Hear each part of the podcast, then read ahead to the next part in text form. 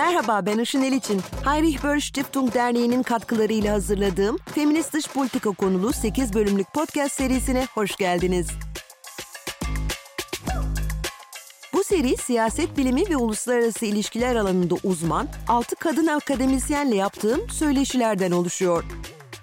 Görüşmelerimizin çerçevesini şu temel sorular belirledi.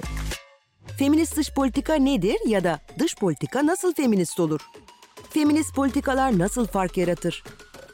Dış politikasında ve uluslararası ilişkiler alanında feminist yaklaşımı hangi ülkeler uyguluyor? Türkiye'de dış politika yapımında kadınlar ne kadar etkili olabiliyor ve daha barışçı bir dünya için feminizm nasıl bir rol oynayabilir? Laf lafı konu konuyu açtığı için ortaya didaktik olmayan, sizlerin de benim gibi öğretici olduğu kadar ufuk açıcı ve fikir tetikleyici bulacağınızı umduğum sohbetler çıktı. Serimizin bu bölümünün başlığı Feminist Dış Politika ve İsveç Örneği. Bu bölümde bir politikayı feminist yapan temel özellikleri ve 2014 yılında dünyada ilk kez feminist dış politika uygulayacağını ilan eden İsveç örneği üzerinden feminist dış politikanın olmazsa olmazlarını Profesör Doktor Birgül Demirtaş ve Profesör Doktor Evren Balta ile konuşacağız.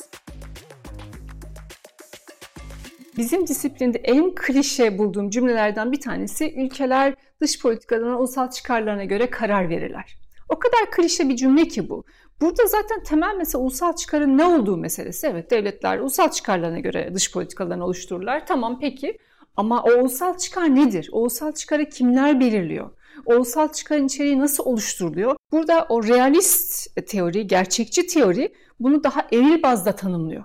Çünkü realist teoriye göre zaten hani bu toplumsal cinsiyet eşitliği önemli bir norm değil. Hiç dikkate alınması gerekmiyor. Kim varsa e, o karar alma mekanizmasında zaten çoğunlukla erkekler oluyor. Onlar karar alıyor ve onların aldıkları kararlar ulusal çıkarı yansıtıyor. Ama öyle değil. Yani realist perspektiften dış politika uygulandığı zaman bu ulusal çıkar denilen şeyi masadaki erkekler oluşturuyorlar. Onlar bu ulusal çıkarın ne olduğuna karar veriyorlar ve orada güç, hiyerarşik ilişkiler, askeri politikaların öncelikli olarak ele alınması onlar gündeme geliyor. O zaman dış politikada hangi mesele varsa biz bunu güç ilişkileri çerçevesinde nasıl çözümleyebiliriz? Tam böyle bu realist ulusal çıkar kavramı eril dış politikaya denk geliyor. Bunun pek çok örnekleri var. Yani işte Trump dönemi dış politikasından tutun, Soğuk Savaş döneminde pek çok ülkenin izlediği dış politika buna örnek olarak verilebilir. Ama bu barış getirmedi. Yani bu dünyayı nükleer savaşın kıyısına kadar getirdi Küba füze krizinde. Şimdi yine hala bu Ukra Rusya'nın Ukrayna'daki savaşı sırasında çok tehlikeli dönemlerden geçiyoruz. Dolayısıyla bu ulusal çıkar dediğimiz şey kapsayıcı olmak durumunda. Toplumun bütün unsurlarını, kadınları, erkekleri, LGBT bireyleri, herkesi mutlaka dikkate almak durumunda. Biz ancak öyle adil bir ulusal çıkar tanımına ulaşabiliriz. Profesör Doktor Birgül Demirtaş'ın da vurguladığı gibi feminist perspektif, ulusal çıkar kavramını dış politikada yeterince temsil edilmeyen grupların ihtiyaçlarını ve bakış açılarını da gözeterek yeniden tanımlamayı vaat ediyor. Aslında feminizmi iktidarı denetleyip çözümlemenin bir aracı gibi de düşünebilirsiniz. İktidar kimin elinde? Onu kim kullanıyor? Bu iktidar nasıl sürdürülüyor ve bu hangi amaçlar için yapılıyor? Kimler kim adına konuşup kimin lehine kararlar alıyor? Kimler neden susturuluyor? Feminist dış politika her şeyden önce sanırım adaletsizlik ve eşitsizlikleri gündeme getirmekle ilgili. Bu adaletsiz ve eşitsizlikler sadece küresel eşitsizlikler değil ama onu da içeriyor. Aynı zamanda toplumsal eşitsizlikleri, toplumsal cinsiyet eşitsizliğinden tutun temsil edilmeyenlerin temsil edilmesine kadar bir tür adaletsizliklerin gündeme gelmesi üzerinden ilerleyen, eşitsizlikleri her zaman temel ilgi alanı haline getiren bir dış politika yapma siyaseti.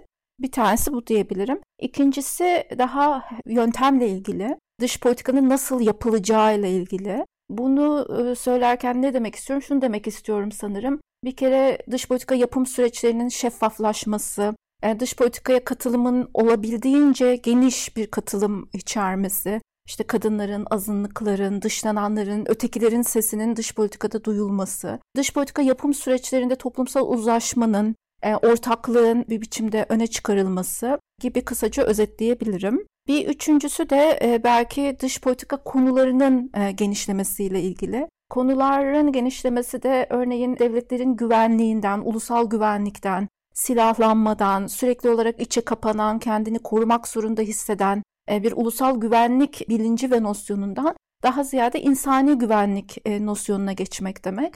Bu zaten sadece feminist dış politika değil aslında eleştirel dış güvenlik, e, dış politika ya da eleştirel güvenlik çalışmalarının da aslında temel unsurlarından birisi. İklim krizinden sağlığa, açlığa, eşitsizliğe vesaireye kadar pek çok gündemin bir güvenlik meselesi haline gelmesi, güvenlikleştirilmeden bir güvenlik meselesi haline gelmesi aslında. E, ve dolayısıyla dış politikanın gündeminin hem ulusal düzeyde hem küresel düzeyde, güvenliğin gündeminin hem ulusal hem küresel düzeyde genişlemesi diyebilirim. Profesör Doktor Evren Baltan'ın bahsettiği insani güvenlik kavramı açlık, hastalık, suç ve baskı tehditlerinden uzak yaşama, evde, işte veya toplumda günlük yaşam akışındaki ani ve kırıcı rahatsızlıklardan korunma olarak tanımlanıyor. İşte feminist dış politikanın önceliği de bu bağlamda devletin değil, insanın, bireyin güvenliğini geliştirmek. Almanya'daki Feminist Dış Politika Merkezi'nin yöneticileri Christina Lunz ve Nina Bernarding'in ifadesiyle böylesi bir feminist dış politika ilk olarak toplumsal cinsiyet eşitsizliği de dahil ama bununla da sınırlı olmayan adaletsizliklerin küresel çapta var olduğunu kabul etmek anlamına gelir. İkincisi, feminist bir dış politika proaktif olarak bu adaletsizliklerin ortadan kaldırılması ve beyazların üstünlüğü veya ataerkillik gibi baskı ve dışlama kalıplarının üstesinden gelinmesi için çaba sarf eder. Feminist bir dış politika olmaksızın yalnızca insan haklarının evrenselleşmesi değil, çatışmaların önlenmesi ve sürdürülebilir barış da birer ütopya olarak kalacaktır. Yine Profesör Doktor Evren Balta'ya kulak verelim.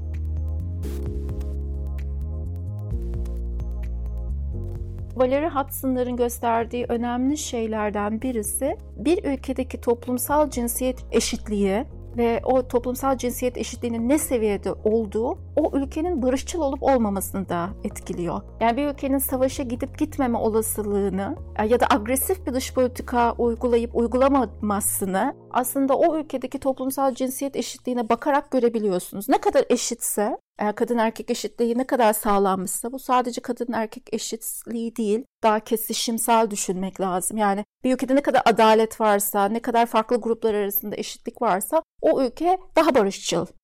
Yani sadece savaşa gitmek dönüp bunu etkilemiyor ama aynı zamanda siz orada bir barışı, içeride barışı inşa ederseniz, eşitliği inşa ederseniz toplumsal, küresel barışa da katkıda bulunan bir şey yapmış oluyorsunuz. Daha barışçıl bir siyaset inşa etmiş oluyorsunuz. Profesör Doktor Baltan'ın da dile getirdiği üzere uluslararası çatışma araştırmaları gösteriyor ki farklı insan grupları arasında ne kadar büyük eşitsizlikler varsa toplumlar içinde veya aralarında şiddet içeren çatışmalar o derece sık yaşanıyor. Özellikle de söz konusu eşitsizlikler süreyense, sosyal olarak ayrı gruplar arasında yaşanıyorsa ya da ötekileştirilenlerin seslerinin siyasi süreçlerde duyulma imkanı bulunmuyorsa. Podcast serimizin ilk bölümünden itibaren şu ana kadar feminist dış politikayı daha ziyade teorik tartışmalardan yararlanarak anlamaya çalıştık. Şimdi biraz da pratikteki tezahürlerine bakmak istiyoruz. 10 yıllardır toplumsal cinsiyet eşitliği ve kadın haklarının geliştirilmesi konusunda öncülük eden İsveç, 2014 yılında da dünyada feminist bir dış politika benimseyen ilk ülke oldu. Dönemin Sosyal Demokrat Partili Dışişleri Bakanı Margaret Wallström, Lund Üniversitesi'nin 350. kuruluş yıl dönümü şerifine yaptığı konuşmada feminist dış politikayı şöyle tanımlamıştı. Feminist dış politikayı tanımlarken üç temel kavramla başlamakta fayda var. Haklar, temsil ve kaynaklar. Çünkü haklar politikamızın çekirdeğini oluşturuyor. Başta da söylediğim gibi insan hakları aynı zamanda kadın haklarıdır. Bu kadar basit bir ifadenin bugün hala bu kadar çok itilaf yaratıyor oluşu da aslında feminist dış politikaya ne kadar çok ihtiyaç olduğunun bir başka kanıtıdır. Temsile gelince çok basit bir soru sorarak başlıyoruz. Kadınlar nerede? Kararları kim alıyor? İster iç, ister dış politikada ya da ekonomik konularda olsun, kadınların nüfuslu konumlarda kronik olarak yetersiz temsil edildiğini görüyoruz. Kaynaklar ise örneğin yardımların toplumsal cinsiyet perspektifi gözetilerek dağıtılması ihtiyacına referans olarak kullandığımız bir kavram. Dünya genelinde kadınlarla erkeklerin neden eşit muamele görmediğini anlamak isterseniz burada da parayı takip etmelisiniz. Kadınlar kendi ekonomik koşullarını ve kaynaklarını kendileri kontrol edebiliyor mu? Örneğin 2014'te Birleşmiş Milletler'in kriz bölgelerine yaptığı yardımlar 9 milyar doları bulmuştur. Ama projelerin sadece %4'ü toplumsal cinsiyet eşitliğini gözetmiştir. Bunun değişmesi gerekiyor.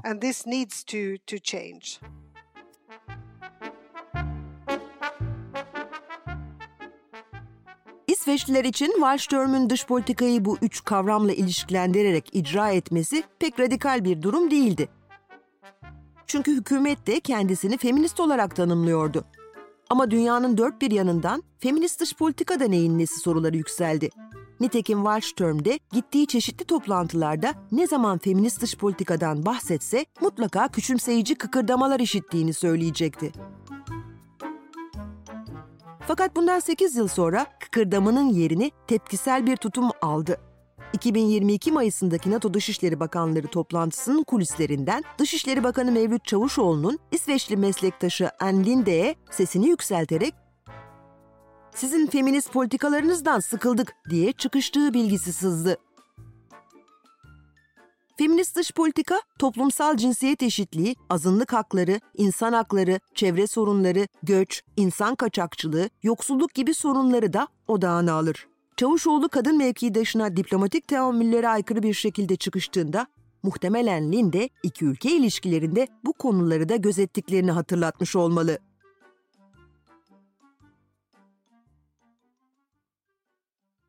Heinrich Böll Stiftung Derneği'nin katkılarıyla hazırladığım Feminist Dış Politika serisinin 3. bölümünde dış politikasını feminist değerlerle oluşturan ülkeleri konuşmaya devam ediyoruz.